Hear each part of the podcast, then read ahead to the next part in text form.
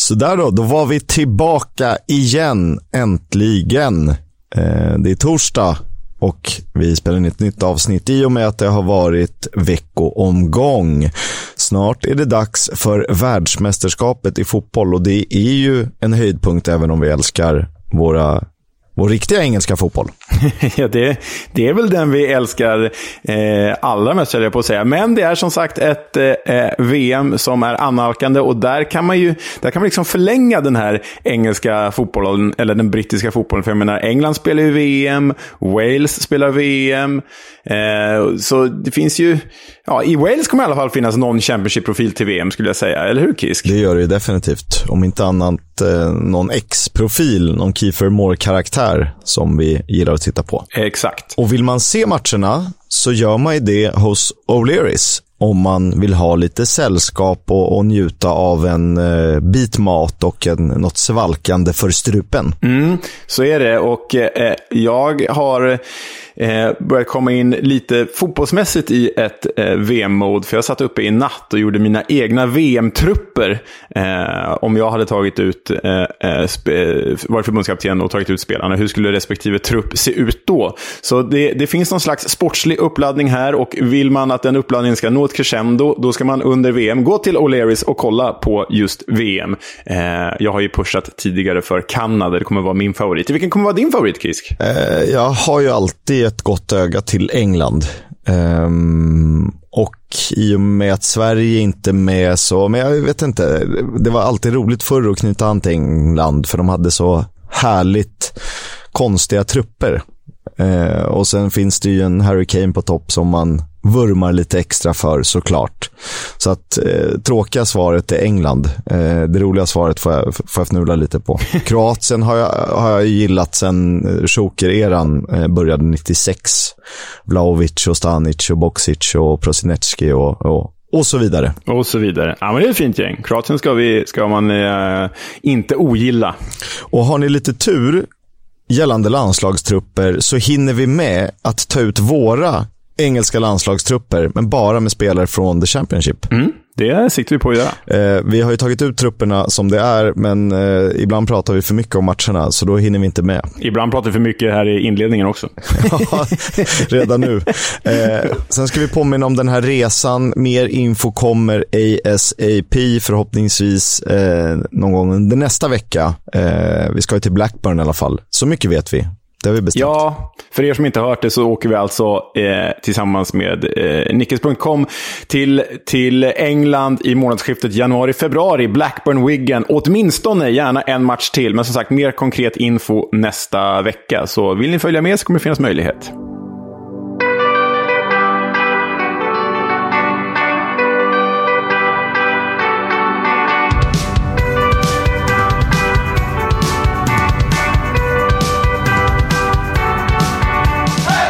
Du lyssnar på Football's Coming Home, en podcast som främst fokuserar på The Championship, men även League 1 och League 2 vad det lider. Jag heter Oskar Kiska, programledare tillsammans med min eh, högra hand. Eh, Leonard Jägerskiöld Welander. Och den Johnson Clark Harris. det, det, är en ära för mig, inte för honom. Eh, 24 Championship-matcher att avhandla, så att jag tycker att vi kickar igång direkt med det som var helgomgången. Den inleddes på fredagen. var ett lite härligt klassikermöte i Birmingham QPR. Ja, och eh, här var det ju då liksom ett eh, serieledande QPR som tog sig till eh, landets näst största stad. Och då tänkte man väl att Hoops kanske skulle få med sig ett resultat. Men icke! Birmingham har ju överraskat oss hela den här hösten och de fortsatte att överraska för de vann ju med 2-0 Kisk på ett St. Andrews med ändå hyfsat mycket publik. Ja, men det är så att eh, om man tittar på matcher där Birmingham är hemmalag så kanske man förundras över att det är ganska många tomma stolar. Det beror ju på att de renoverar St. Andrews och den renoveringen har blivit försenad. Eh, så att de, alla läktare är helt enkelt inte tillgängliga. Däremot så var ju det här den bästa publiksiffran sedan innan innan pandemin. Drygt 19 000 åskådare. Och det är kul för eh, vi får ändå kalla Birmingham ett publiklag och ett eh, gammalt storlag är väl att ta i, men ett klassiskt lag. De behöver det här. Verkligen en, en klassisk klubb. Det, det, får man ju tillstå, även om de inte ens är störst i stan, för det är Aston Villa. Men klassisk klubb med vad som är på väg att bli ett klassiskt eh, Championship-genombrott. För Austin Trusty, den amerikanska mittbacken, gjorde ju mål igen. Och han är ju verkligen och pockar på en kandidat som i alla fall höstens bästa försvarare. Eh, absolut borde han nog vara det. Det här var hans tredje mål för säsongen och vi gillar ju våra Rob Dickey och Dara O'Shea, eh, Aiden Flint målskyttar till försvarare. Utökade till 2-0 gjorde Emanuel Longelo Mbole eh, efter att QPR haft ett par fina chanser mellan minut 4 och, och 29 som målen gjordes. Det var hans första seniormål. Eh, han är ju West Ham-ägd, den 21-årige Longelo. Ja, och sen fick ju faktiskt QPR en chans att spela in sig här i matchen när skotska landslagsanfallaren Lyndon Dykes eh, beredde sig från straffpunkten och brände i minut 79. Eller snarare så att John Ruddy, denna veteranmålvakt, räddade straffen. Hans andra straffräddning för säsongen och med det är han bäst tillsammans med Lee Nichols i Huddersfield. Mm, de två målvakterna får vi väl lov att återkomma till på tal om landslagstrupper. Birmingham QPR 2-0 alltså. Vi går vidare till lördagen där det spelades ett, vad vi har kallat lite vänligt derby, eh, föranlett av den gamla profilen i de här divisionerna, Lee Trundle, som ju hatade Cardiff mer än han älskade både Bristol City och Swansea. eh, och det, var, det är någon slags hat som, eh, mot Cardiff som förenar de här två lagen. Samtidigt kändes det ganska stökigt och eh, man kan väl säga att den här matchen slutade 1-1 och kvitteringen var ju rätt hetsig ändå på engelskt manér. Ja, i, i det här alla vi som hatar Cardiff-derbyt, men, men ändå ogillar varandra. Eh, ja, för efter kvitteringen från Olivier Cham, eh, det är alltså Swansea som kvitterar dem i kvarten kvar, så är det ju i alla fall en Swansea-supporter som tar sig ner på innerplan och står och gör obscena gester mot hemmasupportrarna. Så, ganska vågat av honom, men, men också lite hetskt får man ju säga. Han missade meddelandet som gick ut från supportergruppen att kom igen, vi är ändå kompisar. Vi ja. förenas i hatet. Exakt. Eh, Swansea hade över 70% i bollinnehav, det har vi sagt eh, ungefär varje avsnitt av den här podden. Däremot var väl Bristol City ändå närmare segern. Det var Tommy Conway, framspelad av Naki Wells, deras nya superduo, som ledde till ledningsmålet. Men värt att notera i den här matchen var att Andreas Weimann, som ju var skyttekung för The Robins förra säsongen och var ja, en av seriens bästa spelare, eh, offensiv åtminstone. Han var inhoppare senast eh, och i matchen mot West Brom. Här var han inte ens med i matchtruppen. Och jag försökte hitta någonting om det. Det stod ingenting om skada eller liknande. Nej, man blir ju lite orolig då med Robins glasögon. Men det skulle ju sen visa sig ett par dagar senare att, att uh, Weimann skulle komma tillbaka. Men fortfarande underligt varför han inte var med här. Nej, och det, han var ju inte avstängd heller, eh, vad jag kunde utläsa. Så att, eh, och är ju kapten. Exakt. 1-1 i Lee Trundle-derbyt alltså. Eh, för West Brom har det ju sett mörkt ut och det såg inte särskilt ljust ut när man gästades av Sheffield United, som är ett topplag. Ja, här var det ju väldigt tydligt i alla fall var de ligger i varsin ända av tabellen, även om lagen på pappret är betydligt jämnare än så. Men West Brom 0, The Blades, Sheffield United 2 och det här innebar ju att Baggis alltså låg sist i hela serien, Kisk. Det är fasiken helt sanslöst. Det är inte okej. Okay. Nej, det är, ju, eh, det är ju fullständigt bedrövligt. Dessutom hade de väl fler spelade matcher än övriga konkurrenter i bottenträsket. Med här. Och de har inte varit så här dåliga sedan augusti 2001. Nej, exakt. Sheffield United dock eh, visade ju prov på tidigare takter från hösten när de var som bäst och hade ju avgjort den här tillställningen redan efter dryga 20 minuter. Ilman Ndiaye, allas vår favorit, eh, gjorde ju alldeles för enkelt med West Brom-ögon. Eh, eh 1-0 och sen sen 2-0 från den på nytt födde Olly McBurney. Om han någonsin var född tidigare så är han det nu i alla fall. Så ja, klappat klart och avgjort efter dryga 20. Och inte ens Neil Warnock hade kunnat göra någonting åt det här försvarsspelet. För det har sett virrigt ut och det fortsatte att se virrigt ut i den här matchen. Eh, värt att notera från startelvan var väl att Carlan Grant var tillbaka på topp, vilket satte Thomas Asante på bänken. John Swift fick också inleda på bänken i det här. De har ju roterat rätt friskt, vilket inte är så konstigt i och med att de har spelat tight matchande. Det var väl, man kan väl säga att eh, Baggis tog över matchen efter 2-0 målet och dominerade både spel och chanser, men inte tillräckligt farligt för att det skulle hota Sheffield United, som är med där i toppen såklart. Ett annat lag som Ja, de vägrar ju helt enkelt att förlora. Eh, de spelade 2-1 hemma mot Reading. De heter Burnley. Ja, de heter ju det, men de fick ju faktiskt slita hårt eh, för den här segern. För det var ju faktiskt så att eh, Reading-tränaren Paul Inces son, Tom Ince, eh, gjorde matchens första mål i den här tillställningen en bit in i andra halvlek. Och då eh, var ju det hans fjärde mål för säsongen och Reading hade ju faktiskt vid det läget i matchen skakat fram fler chanser. De var ju lite vassare, kanske inte bättre, men lite vassare framåt. Och då blev det ju tungt för Burnley. Men som så många gånger förr så eh, lyckades de vända på det här. Burnley är ju lite konstiga. Antingen vänder de och vinner sina matcher eller så tappar de 1-0-ledningar till kryss. Och det här var en sån tillställning som de faktiskt vände. Ja, om vi stannar kort vid familjen Ins. Det måste sägas, eh, han hånades när han tog över på permanent basis, Paul Ince som tränare för Reading. Och Tom Ince har ju varit mer ifrågasatt än många andra talanger inledde i banan i Liverpool, men det har liksom aldrig riktigt funkat eh, på allvar över tid. Men det är väldigt fint när han får göra mål för sin far i ett Reading som ändå spelar ganska bra fotboll i en serie som de inte hör hemma i. För på pappret i alla fall. Alltså jag såg något, ja, jag, jag håller med, men jag såg något om det där på på, det var i och för sig några veckor, eller kanske till och med när han hade sin bra form i början av säsongen där, eh, eh Tom Inns, att eh, det bara har funkat för honom när pappa Paul har varit tränare. Och det är väl i Blackpool och det är ju här och det är väl någon annanstans också om jag inte missminner mig.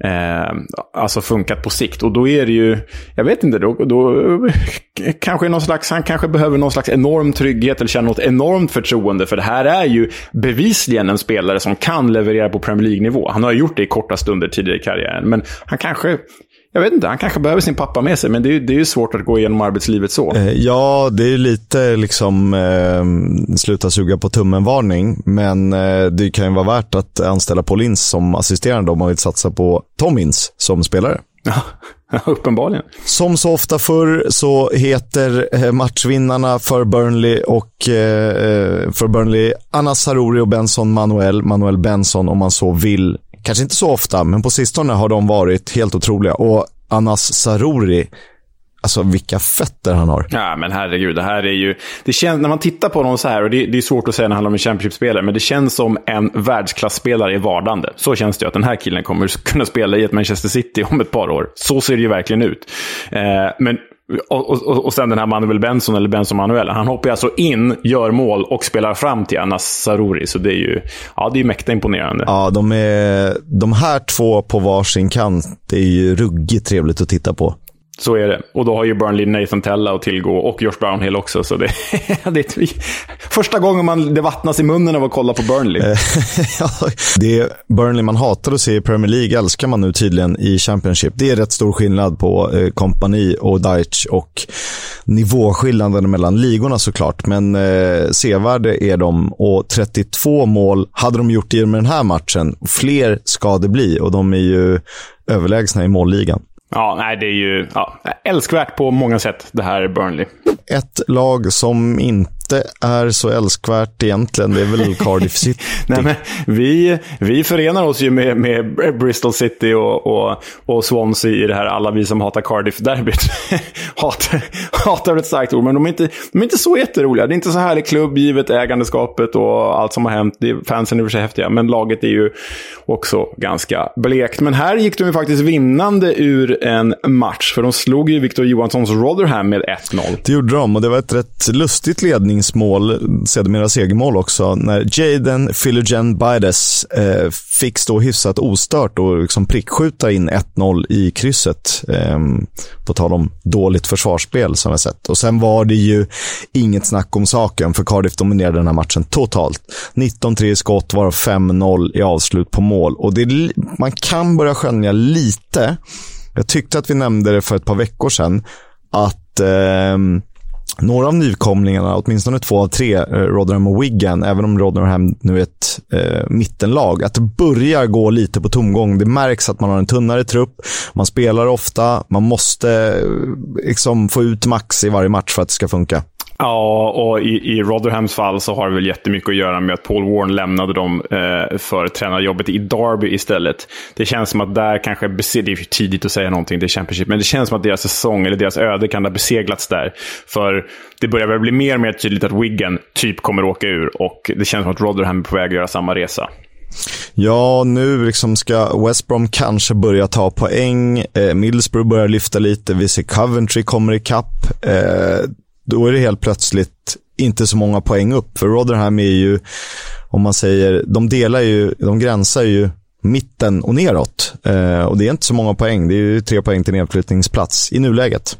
Ja, exakt. Nej det, nej, det börjar se mörkt ut. Vi hoppas ju på Victor Johansson och hans framgångar, men vi får se hur det blir. Coachseger också för Mark Hudson i Cardiff på Cardiff-bänken som bytte in Marlon Romeo och Philogen Bidas. Det var framspelaren och målskytten i den här matchen. Snyggt jobbat. Eh, ett lag man aldrig riktigt blir klok på, de heter Blackpool. De kallas Seasiders eller Tangerines. Eh, de piskar till Coventry eh, på bortaplan.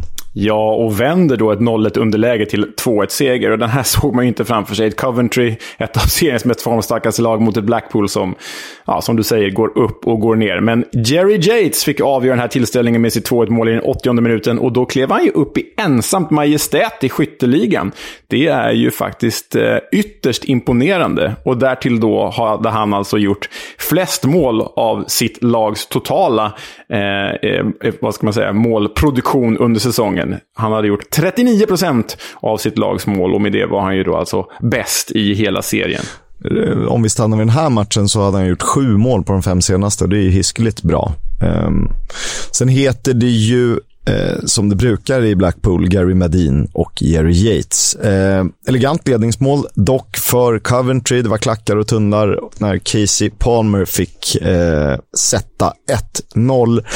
Och den annars skickliga Ben Wilson i Coventry-målet slarvade ju, får vi nog ändå tillskriva honom vid båda målen. Så är det, så är det. Och med svenska glasögon på så startade Victor Gyökeres på bänken, fick hoppa in med ungefär 20 minuter kvar.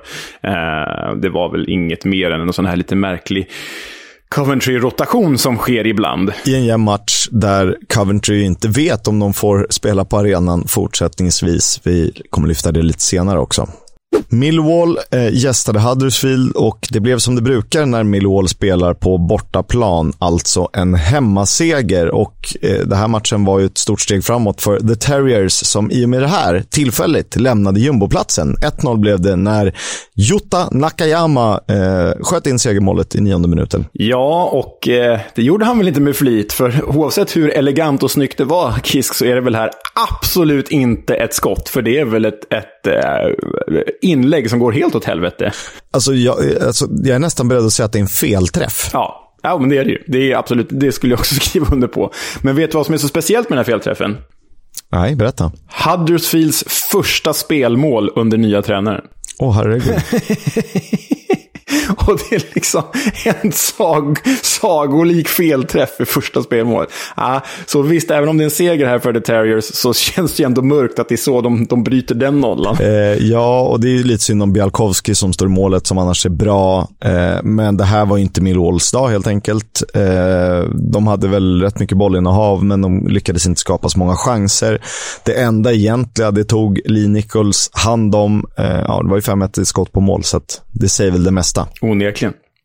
En annan 1-0, eller ska vi säga 1-0-1 match, eh, blev det när Hull tog emot Blackburn Rovers, som ju inte kan kryssa. Nej, det, det går ju inte. Men eh, det är ändå stark Victoria här av, av Blackburn eftersom att de bortaslår Hull då efter mål av Sami Smodic, Smodic med reservation för det uttalet. Men alltså 11 vinster, 0 oavgjorda, 7 förluster efter den här Victorian för Blackburn. Ja, deras senaste oavgjorda match kom 9 april, vilket betyder att det är 23 raka utan kryss.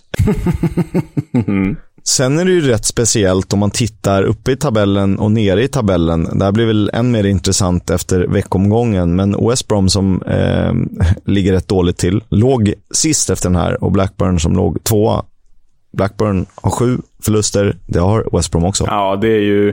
Ja, det är ju... Det är vad trepoängssystemet gör med det. Om du kryssar istället för att vinna, då hamnar du i botten. Det är kul att vi pratar om trepoängssystemet som att det är ett lika nytt påfund som VAR. Kom liksom 40 år sedan. Avsnittet kan väl heta dagen när Leo upptäckte att trepoängssystemet gäller i fotboll. Exakt. Otroligt. Ja, nåväl. Det var en rättvis trepoängare i alla fall eftersom att Blackburn dominerade den här tillställningen. 6-0 i skott. Eh, så, eh, ja, nej. Rättvist helt enkelt. Eh, Gallagher och Burton har bra chanser, men eh, Rovers får väl ses som effektiva ändå. Elegant framspelning av unge Adam Wharton, lillebror till skott, eh, till det som blev Sami Zmadic segermål. Delad poäng blev det på The Kenny, Kenilworth Road, när Luton tog emot Sunderland. Ja, och vem om inte Carlton Morris gjorde ju mål för The Hatters i den här matchen. Precis vid pausen, eh, och då klev han ju upp som en av sex spelare med åtta mål gjorda eller fler. Så det är ju ett succé nyförvärv om något. Mm, verkligen. Nu är, de, eh, nu är det sju spelare som har gjort åtta mål, eller fler, tror jag. Eh, samma, I samma match så klev Jack Clark upp i delad assistligaledning med sex framspelningar. Eh, Ellie Sims satt på bänken och fick hoppa in, comeback, kul, när Ahmad Diallo tog nummer nio-rollen i The Black Hats. Ja, mycket viktigt för Sunderland att Ellis Sims är tillbaka. Nu är det bara Ross Stewart som ska eh, bli spelduglig också. Annars rättvis eh, enpoängare här, får man ju säga.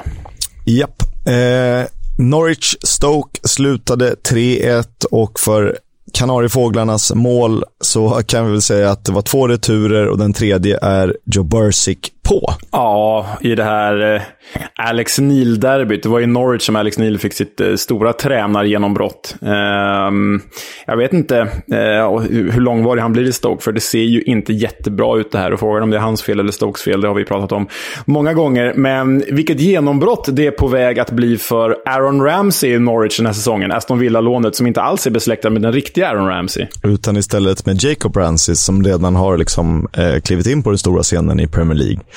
Eh, han gjorde två mål, det tredje gjordes av Gabriel Sara och det är rätt lustigt. Vi var inne på det, om det var förra eller förra, förra avsnittet, att Marcelinho Nunez, att han har ju sett lite mättare ut, inte fått spela lika mycket. Nej, nej, men så är det ju och eh, det är ju tråkigt för oss som verkligen har eh, gillat, i alla fall jag har blivit lite småförälskad i den här Marcelinho Nunez-figuren. Men nu när Gabriel Sara verkligen levererar, då är det ju svårt att, att, att, klaga. För det är väl det de har jobbat för, att spela in Gabriel Sara i den här starten. Timo Pukki alltjämt utan mål mål i den här matchen, dock en målgivande passning. Han behöver börja eh, ösa in mål, inte just här då, men eh, här var det väl mer fråga om klasskillnad, eh, framförallt ett väldigt effektivt Norwich City.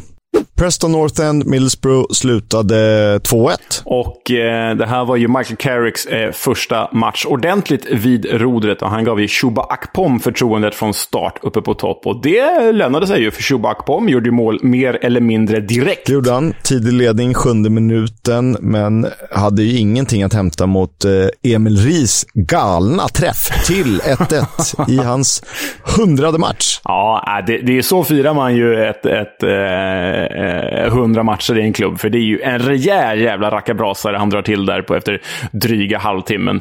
Eh, och då skulle det sägas att här har ju PNI verkligen börjat ta över den här matchen. Ja, eh, det var lite hedlig gammal Hawaii-fotboll. Eh, dock underhållande naturligtvis, men eh, det var fram och tillbaka. Eh, sen var ju PNI något bättre i den här matchen och hade de farliga chanserna över 90 minuter. Så Jordan Story på stopptid fick avgöra matchen. Det var väl ändå någorlunda rättvist. Ja, det får man ju säga. Intressant ur liksom, eh, uppställningssynpunkt var att Michael Carrick, som ni vet spelade många år under Sir Alex Ferguson, han ställde upp med en Rak 4-4-2 till skillnad från eh, Chris Wilders tidigare 3-5-2 eller vad man ska kalla det. Men en rak 4-4-2 där Isaiah Jones, ni vet, wingbacken, fick agera yttermittfältare och Ryan Giles fick kliva ner mer som vänsterback istället för att vara klassisk wingback. Så 4-4-2 är att förvänta i Borough. Ja, och eh, tre raka managers i Borough har vunnit sina matcher. Woodgate, Warnock och Wilder. Eh, däremot förlorade Pulis sin debut eller premiär i december 2017. Eh, det gjorde ju Carrick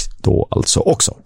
W-derby när Wigan och Watford drabbade samman och eh, det satt hårt inne men det blev till slut tre poäng för gästande Watford.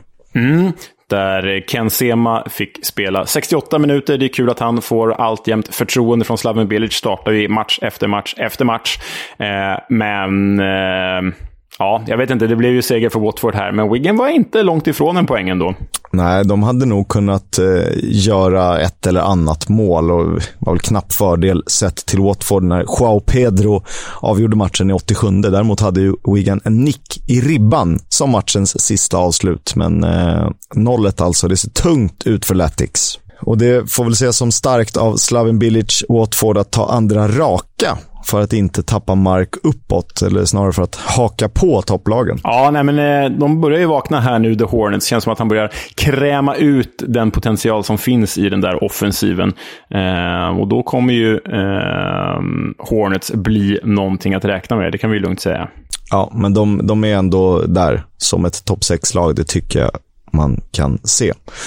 Eh, det var helgomgången, men den kanske mest underhållande matchen spelades i League One. Ni har redan sett det, vi har delat det. Det var Charlton Ipswich 4-4 och när klockan tickar över 90.00 så står det alltså 2-2. Och då har bara hälften av matchens mål gjorts. Det är så jäkla sjukt. Och det, sjuk, det som gör det ännu mer sjukt är att de liksom inte gör så här varannat mål här på, på stopptiden, utan att Ipswich går upp till 4-2 och, Ips, och då är det liksom spelat, vadå, 93 minuter 57, 57 sekunder. Så går de upp till 4-2. Ipswich är ju, ska vi komma ihåg då, ett av de absolut bästa lagen i den här serien. Det är ju liksom när det här topplaget gör 4-2 i 94 minuten, då är det ju dött, begravet och över. Fast det tycker inte Charlton. Nej, och jag tror att det är till och med i 96 minuten, i början av 96 minuten, typ 95-10 eller något sånt där, så har Charlton en frispark och då står det alltjämt 2-4. Och eh, ja. Ja det, är, ja, det är helt overkligt alltså. Men det här älskar vi ju. Mer sånt här. Det ska svänga. Ja, och eh, om ni inte följer EFL-podden på Twitter så borde ni göra det. Vi har ju lagt upp klippet där. Otroligt. Otroligt. Vi går vidare till veckoomgången som är lite mer aktuell. Eh, det började på tisdagen med Coventry mot Blackburn och Blackburn Rovers kan inte kryssa. Nej, men de kan förlora. Nu har de alltså resultatraden 11-0-8. Och du är inne på den jämförelsen alldeles nyss, men det innebär att de har alltså fler förluster än nästjumbon West Bromwich Albion. Alltjämt dock ett topplag, Blackburn Rovers, men här fick de ju faktiskt se Jake Garrett utvisad när de förlorade med 1-0. Det var Jamie Allen som blev matchvinnare för Coventry när Victor Gyökeres spelade 90 minuter. Eh, Blackburn hade bra chanser, dock inte så många många och jag vet inte, kanske ett kryss hade varit rättvist här. Ja, men du vet, de har ju en filosofi. Vi ska inte kryssa. I övrigt för Coventry då så är det en eh, glad och härlig Victoria för dem, men det pågår ju alltjämt diskussioner om CBS Arena för hemmalaget. Arenabolaget är ju på väg in i konkurs. Mörkt där. Hull Middlesbrough spelade också på tisdagen. Det slutade 1-3 och det var ju lika många självmål som det var vanliga mål. ja, två självmål, två vanliga mål. Men här var ju Shuba Akpom framme igen. Mål för andra matchen i rad under nya tränaren Michael Carrick. Han gjorde alltså tre mål på 36 matcher på lån i Hull. Eh, ingen jättesession där alltså. Men jag kommer ihåg när han var utlånad till Hull från, från Arsenal. Då nämndes han ju som liksom en av de mest spännande talangerna i engelsk fotboll. Men det gick ju sådär. Men det innebar att han i alla fall, med respekt för sin gamla låneklubb, inte firade när han gjorde 1-0 för gästande Borough. Ja, och ja, jag vet inte. Vi har varit inne på det här tidigare. Å ena sidan är det väl fint att respektera, men det blir lite cheesy också när han ska så visa så tydligt. Jag ber om ursäkt. Alltså kom igen, du gjorde en säsong på lån där. Ja, nej men, nej, men jag vet. Det är ju... Eh, alltså, det, ta han då som exempel, Chewbacca. Hur många klubbar har han varit utlånad till? Sju, åtta ja. stycken? Ska, ska han liksom be om ursäkt till allihopa då? Äh, förlåt, förlåt, förlåt. Jag menar, en sak man har spelat fem år i Hall, det är en annan sak. Men utlånad som ung talang, nej, jag vet inte. Nej, gränsen måste dras. Och han hade nog kunnat göra två, tre, kanske fyra mål till i den här matchen. För han, eh, han har sett bra ut på sistone. Sex mål totalt i ligan. Ja, nej, verkligen. Där har nog eh, Millsbro. Millsbro behöver inte värva alla anfallare som de gjorde i somras. De hade honom redan från början. Ja, nåväl. Kvittering kom för Hall genom eh, ytterbacken eh, Cyrus Christie, tidigare Fulham-spelare. Något turligt kan ju tyckas, men den turen var det ju inte länge. Nej, för de lyckas med konststycket att göra sju, sju, sju självmål. Ja, det har varit riktigt sjukt. Nej, men åtminstone två självmål inom loppet av 17 minuter. Eh, Tobias Figueiredo, det är lite oturligt och sen Cyrus Christie eh, 1-1 målskytten gör 1-3 i egen kasse i 80 minuten och då är det klappat och klart för den nionde förlusten på de tolv senaste för Hall. Och de har förlorat sex av de sju senaste hemma. Ja, och det är en fortsättning från, från förra säsongen. De var ju bedrövligt dåliga på hemmaplan i stunder. Det tog ju lång tid innan Shotar Arveladze vann sin första hemmamatch. Um, så nej, Hall... Kommer du ihåg hur det vände? Nej, det gör jag inte. Det gör jag, för att de hade typ fem eller sex raka hemmaförluster. Och då valde de istället att spela i sitt bortaställ på hemmaplan. Det. det. var ganska tidigt under Arveladze. Och då vann, då vann de den matchen med de här svart silver, liksom, ja, ganska mörka Som ställen. Som i tredje tröja i år, svinsnygg uh, Ja, just det, det var ju så. Då. De får bara spela den hela tiden och det är grejen. Men du Kisk, lyssna på det här. 35 insläppta mål för Hall hittills. Det är man överlägset sämst med i serien. Ja, det är ju eh, bedrövligt dåligt. Mer än så går inte att säga. Nej. Det är ju sju mål till närmsta eh, konkurrent. Dessutom har de en match eh, på sig att eh, släppa in ytterligare mål. det, man, ser inte, man ser inte som den, en hängmatch som kan vinna, utan hur många kan vi lyckas att inte släppa in?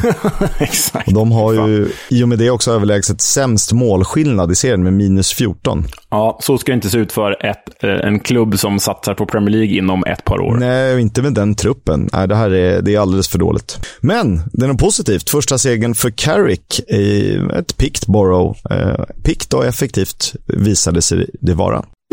Luton Reading slutade mållöst i en match där The Royals eh, hade fler, även om det var rätt få till antalet, eh, farligare chanser än vad hemmalaget lyckades mäkta med. Ja, ehm, och här är det ju då lite... Det är ganska stora svängningar i Luton den här säsongen. För det här är alltså då tredje raka utan seger för dem. De gör ganska få mål i den här perioden. Samtidigt, Reading igång igen. Imponerar med, med liksom spel och får med sig resultat. Så ja, det, jag vet inte. Sämre för Luton, bättre för Reading. Ja, och det finns väl inte så himla mycket att ta med sig mer än att Sonny Bradley eh, till synes illa skadad efter att ha landat eh, rätt eh, tveksamt i en höjdduell. Eh, det visar sig dock vara inget benbrott, inga ligamentskador och han eh, jobbar på att komma tillbaka så snart som möjligt. Det är tur för den tidigare IK Frej-talangen. Mm, vi, vi eh, drömmer om att ha med honom i podden någon gång, så hoppas att det här inte är långvarigt. Eh, vidare till Deepdale och Preston North End mot Swansea. Ja, och där blev det ju som det såg ut eh, tidigt under säsongen. 1-0 till Preston North End och det var ju ett tag bara Brad Potts som kunde göra mål, även om han typ bara gjorde två för Pini. Men nu är han mål igen här. Blev matchvinnare när Emil Ries Jakobsen fortsätter att missa mål alldeles för ofta. Det gör han ju. Eh, det fanns chanser för båda lagen den här matchen, där nog Swansea borde gjort minst ett mål i alla fall.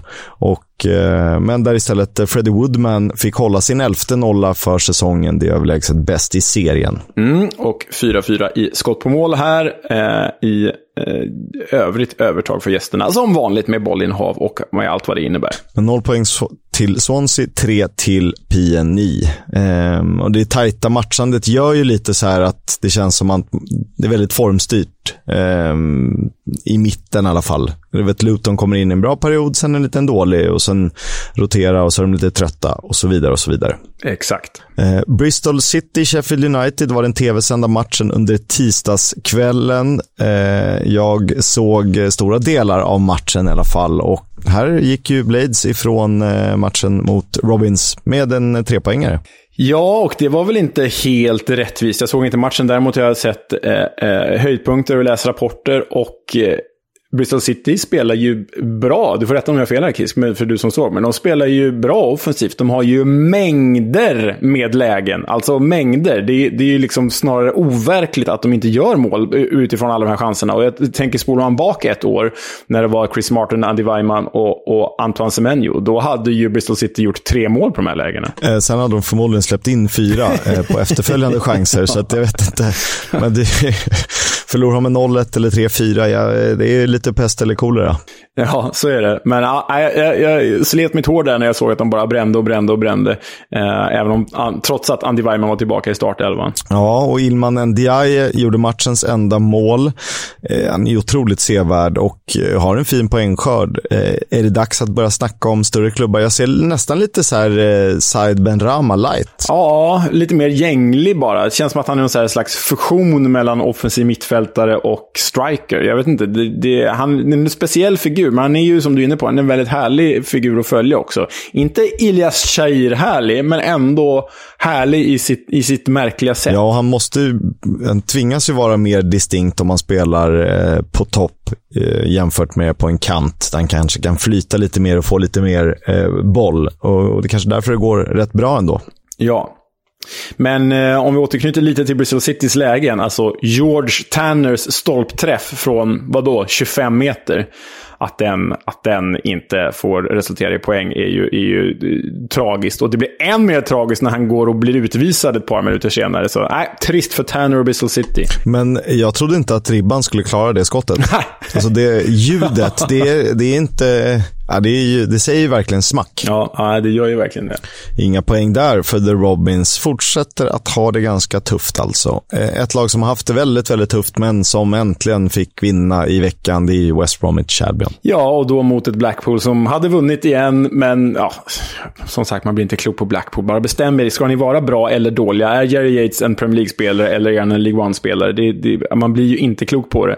Men nog om Blackpool. De förlorade, West Brom vann och det var turken Okayoku Kuslu som avgjorde den här matchen med sitt segermål blott fem minuter från slutet. Det var hans eh, första mål för West Brom, om jag inte missminner mig. Och eh, det, det var egentligen bara en tidsfråga, för det var fem skott i mål, eh, fem noll i skott på mål och eh, ja, förr eller senare hade det kommit. Nu kom det senare. Och Corberans första tre poängar in på kontot. Jajamän, eh, och det är ju viktigt för The Baggies onekligen. Eh, första hemmasegern för The Baggies sedan 5-2-segern mot Hull i augusti.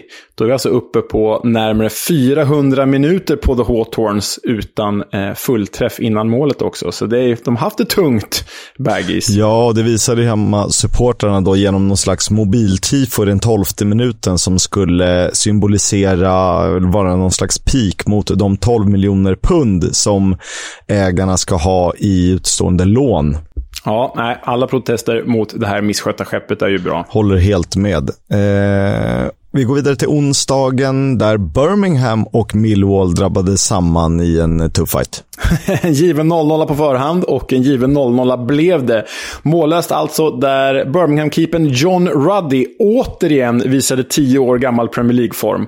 Matchens bästa spelare i en ganska sömnig tillställning där han räddade en poäng till The Blues hemma mot Millwall. För om någon skulle ha vunnit här, då var det faktiskt Millwall. Ja, dock är de mållösa i två raka matcher. Det är väl dock förvisso två raka bortamatcher, eh, så det tillhör ju vanligheterna när vi, när vi pratar om The Lions. Um, Nionde plats dock, eh, bara två poäng från playoff. Så att de är ju med där lite som de och Luton var förra säsongen. De nosar på det. Ja, det gör de ju. Men återigen, Ruddy, han har hållit nollan i fyra av de sex senaste matcherna. Birmingham imponerar givet förutsättningarna. Ja, men eh, det tycker jag vi måste liksom lyfta på en liten hatt åt dem. Och det gör ju egentligen Millwall också. Absolut. Det, de är ju faktiskt bara två poäng från playoff, så absolut, det, det gör de, givet det de tappade i somras. Onsdagens höjdpunkt var tyvärr inte tv-sänd via i de svenska kanalerna, men det blev ju en riktig soppa av det där. Fast soppa är negativt, så att eh, vi får använda något, no positivt ord. En, en galen vändning var det i alla fall. kan, man, kan man god soppa? För det var det i det här fallet. Alltså, Burnley, Rotherham. Burnley är ju superfavorit. Ska ju vinna den här matchen med 4-0 på förhand, 10 gånger av 10. Men det struntar ju Rotherham i när de tar ledning genom Ben Wiles tre minuter in, som chockar hela Turf Moor. Dock efter ganska bedrövligt Burnley-försvar. Verkligen. Eh, sen är det ju en fin kvittering signerad J-Rod. Eh, det måste vara hans eh, basketnamn. Och det är rätt snyggt av Kidosi och Bane att löpa sig fri och sätta, eller inte fri, men löpa sig till ett bra läge och sätta 1-2 då. Eh, han hade kommit in blott två minuter tidigare. Kul för Ogbene. Mm, som får göra mål igen. Han var ju bra där i början av säsongen, dalat lite på slutet. Men du, vackrast för aftonen. Vi kan ju inte sluta prata om Manuel Benson eller Benson Manuel, men hans 2-2 mål är ju pur klass. Vrider in den i bortre eh, och som vi nämnde tidigare här i avsnittet, han hoppade ju in i helgen mot Reading och gjorde 1 plus 1. Nu skruvar han alltså in 2-2 och sen ligger han ju faktiskt bakom det som kommer att bli segermålet i den hundrade minuten. Ja du, det var Halil Dervizoglu turken som eh, fick vara sist på bollen och det är ju lite synd om Victor Johansson som inte lyckas hålla Brownhills avslut så som då Dervishoglu eh, sätter. Supersub igen, vi pratade om honom förra avsnittet. Mm, och eh, väldigt eh, lyckligt för Burnley och eh, det blir glädjeeruption på Turfmore förstås. Men Trist för Victor Johansson, trist för Rotherham som mycket väl hade kunnat klara poäng här om inte Cone Bramall hade visats ut med kvarten kvar, sitt andra gula. Det kändes som att Rotherham faktiskt skulle kunna ro hem till och med en trea där och då, men icke. Så var det inte två mål på stopptid när Burnley spelade sin 16 raka ligamatch utan förlust. Hatten av kompani. Cardiff-Watford slutade 1-2. Mm, det gjorde det, och det var ju trots att Cardiff tog ledningen genom mittbacken Cedric Kipré redan i den nionde minuten. Och han satte ju tonen för den här matchen, för han eh, knoppade in en hörna och så fortsatte det ju. För det gjordes ju tre mål och alla gjordes på huvudet. Även kvitteringen av Francisco Sierralta och eh, segermålet av Ismail Azar. Ja, Kansema spelade 90 minuter. Hans notering i protokollet var ett gult kort. Eh, när eh, Cardiff fortsätter ha det tungt och Watford eh, ser ut att cementera sin plats som eh, ett av sex lag som ska vara med där uppe. Mm, fem segrar på åtta senaste nu för Slaven Bilic, så de verkar vara igång. Det verkar de definitivt vara. Eh, Sunderland eh, är ju den nykomling som tagit oss med storm. Eh, har ni lyssnat på den här podden så är ni faktiskt inte så förvånade, för de har ju bäst förutsättningar att klara det, även om de på pappret kanske inte har det överlägset bästa laget, men eh, de har några fina profiler i sitt gäng, trots att Ross Stewart är skadad. Ja, de har ju det. Eh, nu började Ellie Sims på bänken igen, men fick hoppa in. Som sagt fick han tillbaka. Men kanske den stora profilen i den här matchen, det var ju Alex Pritchard, som kommentatorn sa i våras. Men Alex Pritchard, med förflutet i Huddersfield, var ju en av eh, The Terriers eh, stora prestigevärvningar när de gick upp till Premier League för några år sedan. Eh, han lyckades ju inte alls i Huddersfield. Och eh, på tal om att inte fira mot sina eh, gamla klubbar, här är det ju precis tvärtom. För det är ju Alex Pritchard som sätter 1-0 till Sunderland hindrar sina medspelare från att fira med honom. För han ställer sig mot Huddersfield-publiken, alltså sin gamla publik, sätter fingrarna i öronen och eh, ja, ja, hånar sin gamla publik får man väl säga. Det är ett annat sätt att, att göra det. Och man ska väl inte säga vad som är rätt eller fel. Eh, men man kan ju förstå att eh, det kanske funnits någonting där bakom eh, som gjort att han känner så för Huddersfield. Ja, antagligen. Det gick ju som sagt inte bra där och då för honom. Eh, ska vi säga så att innan eh, Pritchard gjorde mål på sitt gamla gäng så var det ju just Huddersfield som hade varit bättre. Det fanns många chanser i matchen, de flesta för Huddersfield. Eh, många fina och bra lägen, men skärpan fanns inte. Och istället kunde ju då Sunderland göra både 1 och 2-0 när United-lånet Ahmad Diallo kontrade in 2-0 i 96 minuten. Ja, bra att ha om eh, Stewart och Sims ska fortsätta vara på skadelistan. Eh, Huddersfield eh, nu tillbaka som jumbo. De har bara en seger på de fem senaste och i de matcherna har man blott gjort två mål och sen har de ju en match till godo på lagen ovanför sig och eh, två matcher till godo på vissa andra lag. Men mörkt ser det ut för terrierhundarna så är det. Som dessutom inte har slagit Sunderland i ligan sedan 1986. Så det är mörkt på många sätt. När Sunderland tog sin första trepoängare på fyra matcher. Kul. Det blev inte så mycket mål i den matchen jag såg under onsdagen. Det var Norwich som tog emot Queens Park Rangers. Eh, ändå en ganska underhållande toppmatch. Ja, men det, det får man ju tillstå. Alltså, den slutade förvisso mållöst, men det var ju flera chanser åt båda håll. Norwich med bollinnehav och faktiskt tre ramträffar, hör du. Eh, så man satt ju och väntade på något slags ledningsmål. Men Timo Pukki träffar stolpen, Chris Willock träffar stolpen och med det comeback efter en månads frånvaro faktiskt. Och dessutom Grant Hanley i ribban med matchens sista spark. Så det hade mycket väl kunnat avgöras där. Eh, sen vet jag inte om Lyndon Dyke skulle varit utvisad när han fick gult hyfsat sent i matchen, eh, någon gång i andra halvlek. Eh, ganska ful satsning, även om eh, båda kliver in stenhårt. Ja, men det hade det ju mycket I en annan liga hade det mycket väl kunnat bli rött kort. Eh, absolut. QPR nu eh, Kisk, med två raka mållösa matcher. och vi, Du sätter ju fingret på problemet när du singlar ut Lyndon Dykes där. Att han är ju en härlig figur ibland, men bättre i landslag än i klubblag. Tänk om det här QPR bara hade haft en 15 målsmålskytt i sig eh, på topp. Då känns det ju som att liksom en playoffplats hade varit säkrad. Nu, känns, nu är det liksom ändå lite oro på sikt här. Kan de orka hålla i, eller ska det bli som förra säsongen? För då blir mycket ansvar på Chris Willock och Ilias Shair. Och eh, skulle någon av dem vara borta, som Willock då har varit en period, då blir det ännu tyngre. Och det är klart att de har bra spelare bakom, men eh, ändå inte riktigt så bra spelare. Nej, exakt. En seger på åtta för Norwich. Eh, det ser mörkt ut. Mm, det, det, de måste hitta någonting där. Det, nu är ju liksom 0-0 mot ett topplag i QPR. Det är ju okej, okay, men de måste börja vinna lite matcher igen, för, för det går fort i den här serien. Det gör det verkligen. Tråkmöte mellan Wigan och Stoke. Nej, nu ska vi inte vara men eh, lite ångestmöte i alla fall.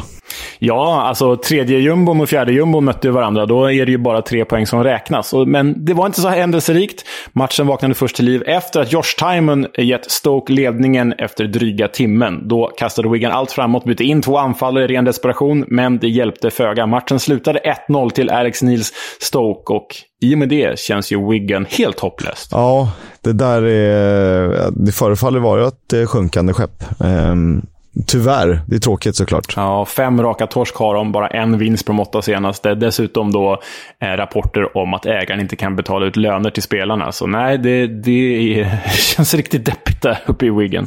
Ja, de har förlorat eh, så. Det var de 24 matcherna, 25 om vi räknar in Charlton Ipswich. Eh, vi tittar till poängligan, kan vara lite kul. Jerry Yates leder ju den. Ja, eh, han delar den i alla fall med Carlton Morris. Jerry Yates 9 plus 2 och Carlton Morris 8 plus 3. Så 11 poäng var på de två gubbarna.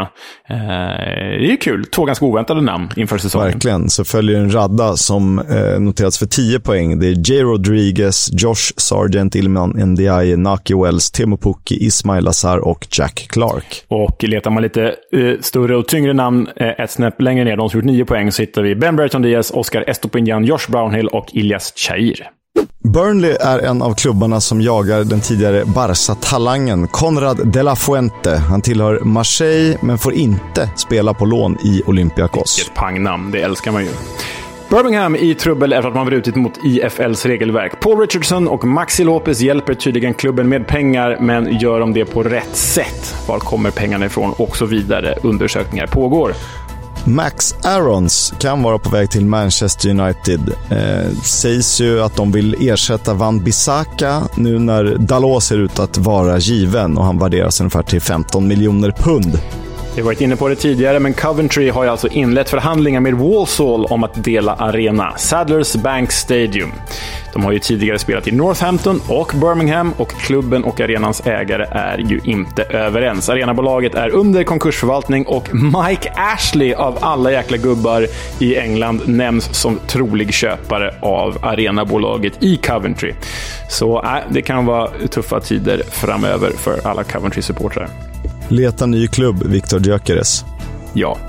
Leeds och Everton är två av de klubbar som eh, sägs vara väldigt, väldigt intresserade av att värva Ben Brereton Diaz. Jag kan tänka mig att ännu fler klubbar eh, är sugna på att snappa upp honom gratis för att hans kontrakt löper ut nästa sommar. Om inte Blackburn, Blackburn går upp så ser jag det som osannolikt att han skulle vilja förlänga när han kan få ett hyfsat lukrativt kontrakt och han skulle kunna vara en rätt duglig tvåa i ganska många Premier League-klubbar. Verkligen. Hall står ju alltjämt eh, utan tränare och eh, därför eh, rapporteras det troligt att Liam Rosinior, den gamla Hall-spelaren, ska ta över Hall. Troligt att presenteras i veckan alltså. I så fall skulle han få Andy Dawson, nuvarande interimtränaren, som assisterande. Liam Rosinior var ju själv assisterande till Wayne Rooney i Derby förra säsongen och är väldigt uppskattad uppe i Kingston upon Hull.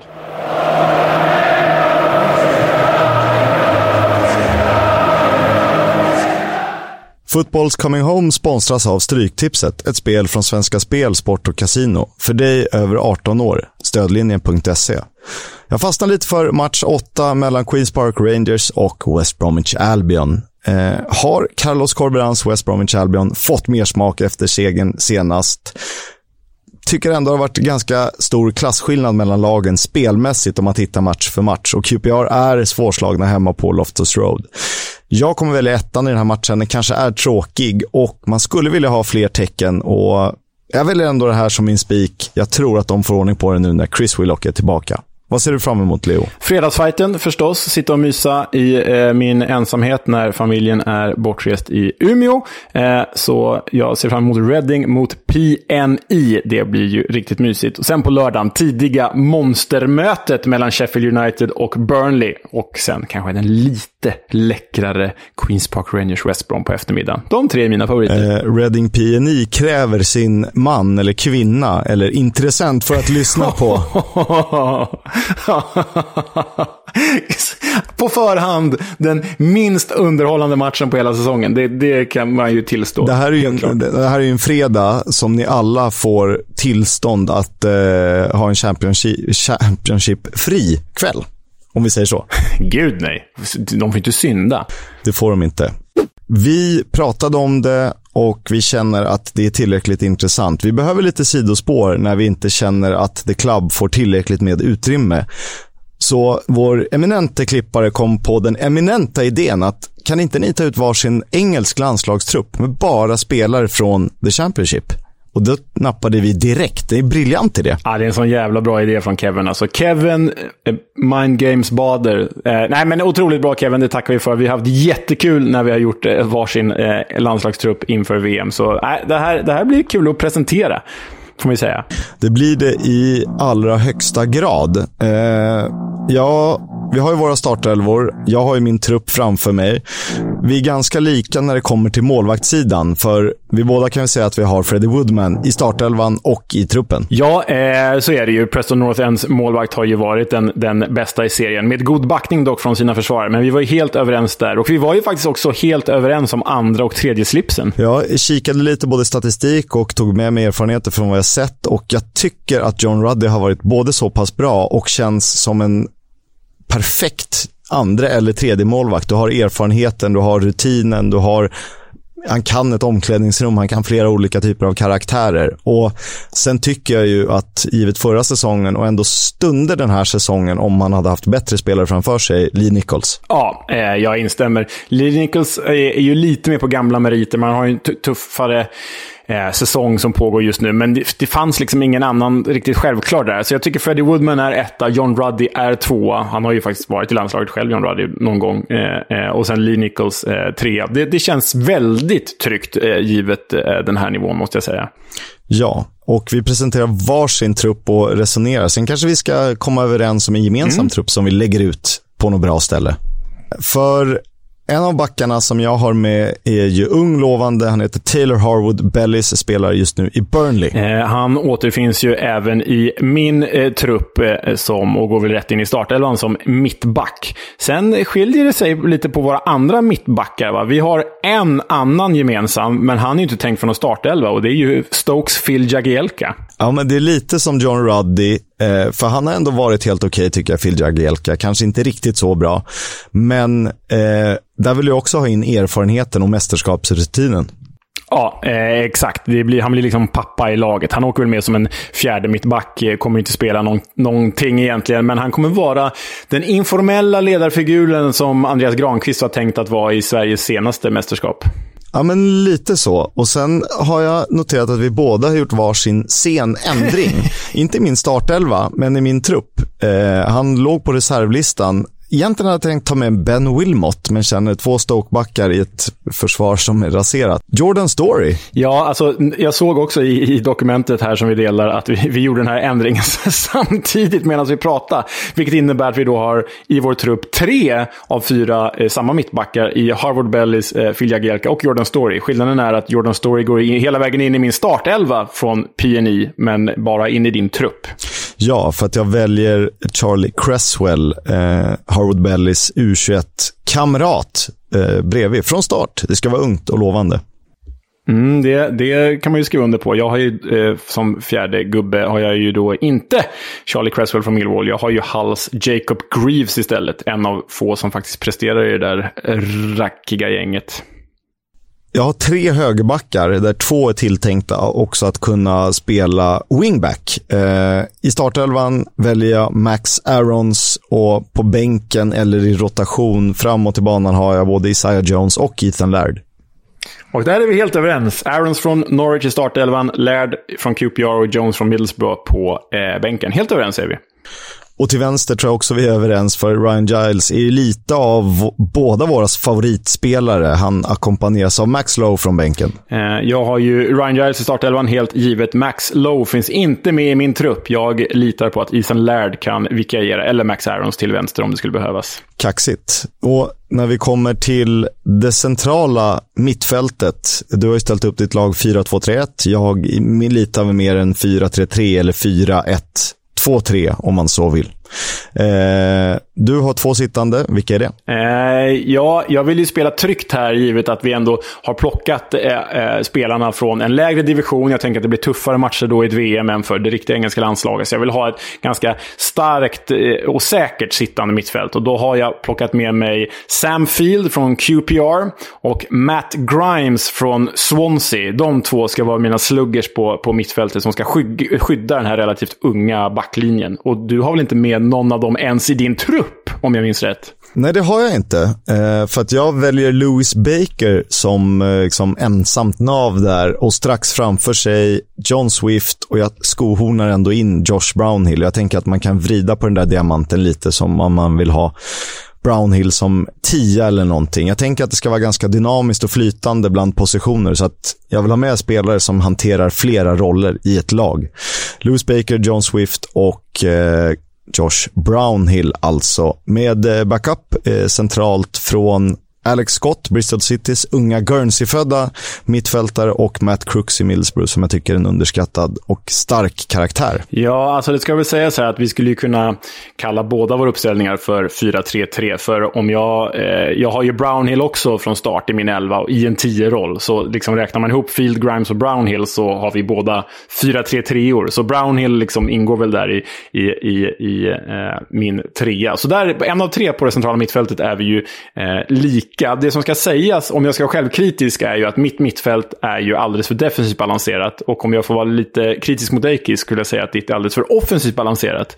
Eh, kanske eh, någon mellanväg där någonstans. Men annars har vi ju lite samma gubbar. Jag har ju exempelvis Louis Baker och John Swift, dina två startspelare, har jag på min bänk. Ja, de är för bra för att inte ha med.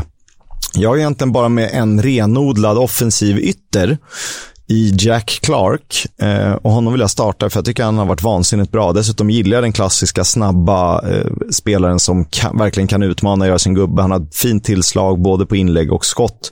Så han är given på en kant. På den andra så är det inget snack om saken. Det är Chris Willock, seriens kanske bästa spelare om han får vara skadefri. Kan funka som nia, kan spela tia, kan spela på en kant. Ja, eh, vi är ju hyfsat överens här. För jag har ju Chris Willock som kanske det första namn jag plitar ner i startelvan också. Man vet att han kommer missa några matcher i ett mästerskap om vi skulle gå långt, så man behöver ju backup. Men han är ju supergiven om han är skadefri. På andra kanten, eh, eh du satt ju Jack Clark där. Han sitter på min bänk. Jag har ju faktiskt Jed Wallace, som trots en ganska tung säsong i West Brom ändå har skapat så mycket lägen så jag känner att med bara rätt spelare runt sig så kommer han ju liksom helt plötsligt börja producera poäng. Så Jed Wallace i West Brom går ju rakt in på mitt högmittfält och håller Jack Clark bakom. Därtill har jag Nathan Tella från Burnley med på bänken. Han återfinns ju inte i din trupp. Jo, det gör han. Eh, jag har ju Jed Wallace ja, på bänken. Ja, det gör han där. Just det, det är han faktiskt. Jag har Nathan Teller på bänken också. Jag tänker att det skulle vara en bra spelare. Han kan också spela på en kant eller spela på topp. Eh, och det behöver man i mitt lagbygge där J. Rodriguez startar. Jag tycker liksom, när vi kläckte idén för någon vecka sedan och man har fram till idag ändå fått på sig. Så han, han får vara starter på topp. Han är trygg, rutinerad, ändå hyfsad näsa för mål. Ja, men jag instämmer. J-Rod startar ju för mig också. Har Premier League-erfarenhet och har, skulle väl kunna liksom spela för landslaget någon gång back in the day. Eh, nej, men visst, han är ju med hos mig också. Är vi lika i övrigt där, eller? För jag har ju Carlton Morris som eh, backup till J. Rodriguez och Jerry Yates från Blackpool som ett komplement både på kant och på topp. Så ser det ut för mig. De tre är väl anfallarna hos, i mitt gäng. Jag har en plats kvar och eh, det är hugget som stucket mellan Carlton Morris och Jerry Yates. Eh, hade jag gått på form så hade jag valt Jerry Yates. Eh, kanske att Carlton Morris ändå har presterat lite mer över tid, fast ändå inte. Så att det är hugget som stucket och eh, jag vet inte vem jag ska välja. Ja, nej, då, eh, det får du fundera på. Det, uttagningen är ju nästa vecka, den riktiga alltså. Det är därför vi gör det här nu. Jag tycker att vi kan lägga ut åtminstone våra startelvor, Kisk, eh, så får våra lyssnare jämföra. Och så kan ju de komma med eh, egna, eh, egna förslag. Det vore ju kul att jämföra. Det vore absolut. Jag ser till att skapa två stycken eh, fina startelva-bilder i alla fall. Men det var våra trupper. We'll have a chat about the fucking game. About your game, last few months, last few weeks. Fucking character. Ja, det finns ju märkliga tränare alltjämt i den engelska fotbollen, trots att Neil Warnock inte längre är aktiv i den. Och så sent som i helgen så var det nämligen så att Hartlepools manager Keith Curl kom med ett ytterst oväntat svar efter, eh, i intervjun efter match. Try and summarize how you're feeling. Uh, how do I feel? Uh, uh, woke, woke up this morning, uh, had three requests. Uh, us to win, Man City to win, uh, and my missus to be in a sexy mood. Yeah. Right. So I've got two out of three so far. So I've got, I've got a, a two-hour drive home. Uh, um, I will be I will be grafting to make sure I get a hat trick. Uh, I don't really know what to say now. That's probably one of the best starts of interviews I've had. Eh, det, det kanske inte ligger helt i tiden, eh, men eh, det har ju någonting ändå att vara helt eh, medieotränad i det svaret och välja att önska sig, som nummer tre, att frugan ska vara in a sexy mood. Ja, det, det är ju liksom, det han säger i sig är inte så jävla kul. Det roliga är ju att han är, han är liksom, han, han pratar som att det är 15 år bak i tiden. Det är det som är roliga, roliga här. Uh, ja, nej men eh, frispråkighet uppskattas ju ändå. Sen kanske man kan polera sin frispråkighet lite grann. Men ja, ja, kul att det hände. Det finns ju inga bad intentions. Eh, det är sagt med glimten i ögat. Exakt. Tack för den här veckan. Eh, landslagstrupper uttagna och matcher eh, avhandlade och eh, smått och gott. Vi får väl se när vi dyker upp nästa vecka. Det spelas ju matcher på tisdagen. Ja, just det. Det är ju en hel drös med hängmatcher, så de ska vi försöka ta in även nästa vecka. Det ska vi. Tills dess, eh, tack O'Learys, tack Stryktipset för att ni är med och gör den här podden möjlig. Och eh, ha en fin vecka. Hej, hej! upptäckta vägar de han tar.